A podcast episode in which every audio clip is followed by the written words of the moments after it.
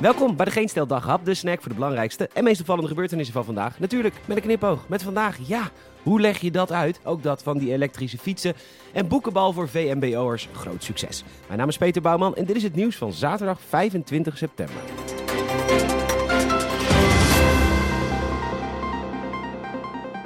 Nou, staatssecretaris Mona Keizer is uit het kabinet gezet. Ze kon de nieuwe QR-samenleving niet uitleggen.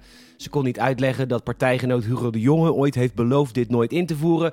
Ook vond ze het lastig uit te leggen dat ondernemers nu op de stoel van de BOA's moeten gaan zitten, waar veelal extra personeel voor moet worden ingehuurd, wat bijna niet te krijgen is, kon ze ook niet uitleggen overigens. En dat daar dan geen geld voor komt, is niet uit te leggen. En ook alle steun die stopt, terwijl de kosten oplopen en in sommige zaken de inkomsten dalen omdat mensen het er niet mee eens zijn. Dat alles kon ze niet uitleggen. Bij het CDA gingen ze direct in beraad. Ze konden de uitspraken van toch een redelijk populair CDA-lid Keizer niet uitleggen. En wat moet je dan? Haar uit de partij zetten, zodat ze zich kan aansluiten bij Omtzigt. Nou ja, niet uit te leggen. Rutte kon het prima uitleggen. Die vond het makkelijk, ze is op staande voet ontslagen. En daarmee heeft Rutte 3 het record van kabinet Lubbers 3 verbroken. Zelstra, Harbers, Snel, Bruins, Wiebes, Van het Woud, Van Veldhoven, Kaag, Van Nieuwenhuizen, Van Ark, Bijleveld en Keizer allen functie elders of wachtgeld. En dat is vooral een overwinning voor die mensen.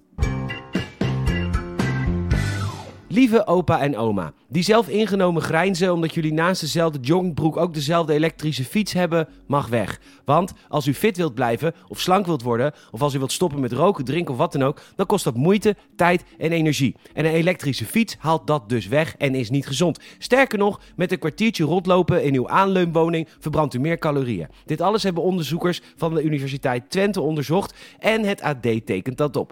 Fietsen op een elektrische fiets staat gelijk aan stilzitten. Gelukkig kunt u dat laatste als geen ander. Liefs, uw kleinzoon. PS, ja die heeft u, maar ik kom al jaren niet meer op bezoek. NH-nieuws meldt dat het eerste VMBO Bokenbal een schoot in de roos is. Een leerling verwoordt het pakkend. Ik vond het heel inspirerend. Ik vind met DT schrijven heel leuk. De organisatie is in ieder geval tevreden, bij monden van Chinook Thijssen. Zij zegt, heel vaak is toch het idee dat jongeren helemaal niet van lezen houden, maar nu kom je erachter dat ze verhalen wel leuk vinden.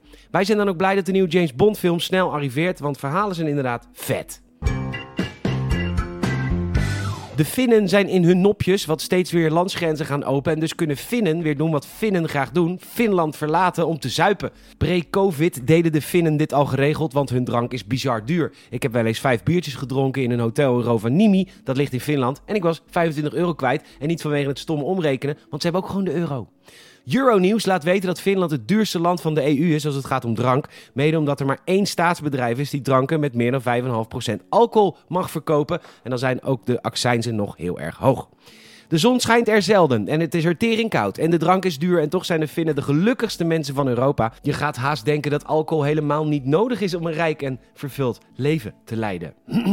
maar goed, de Finnen kunnen weer nog gelukkiger zijn, want ze kunnen weer met de pont naar Estland. Want daar is de drank gewoon heel erg goedkoop en de mensen enorm ongelukkig. Top!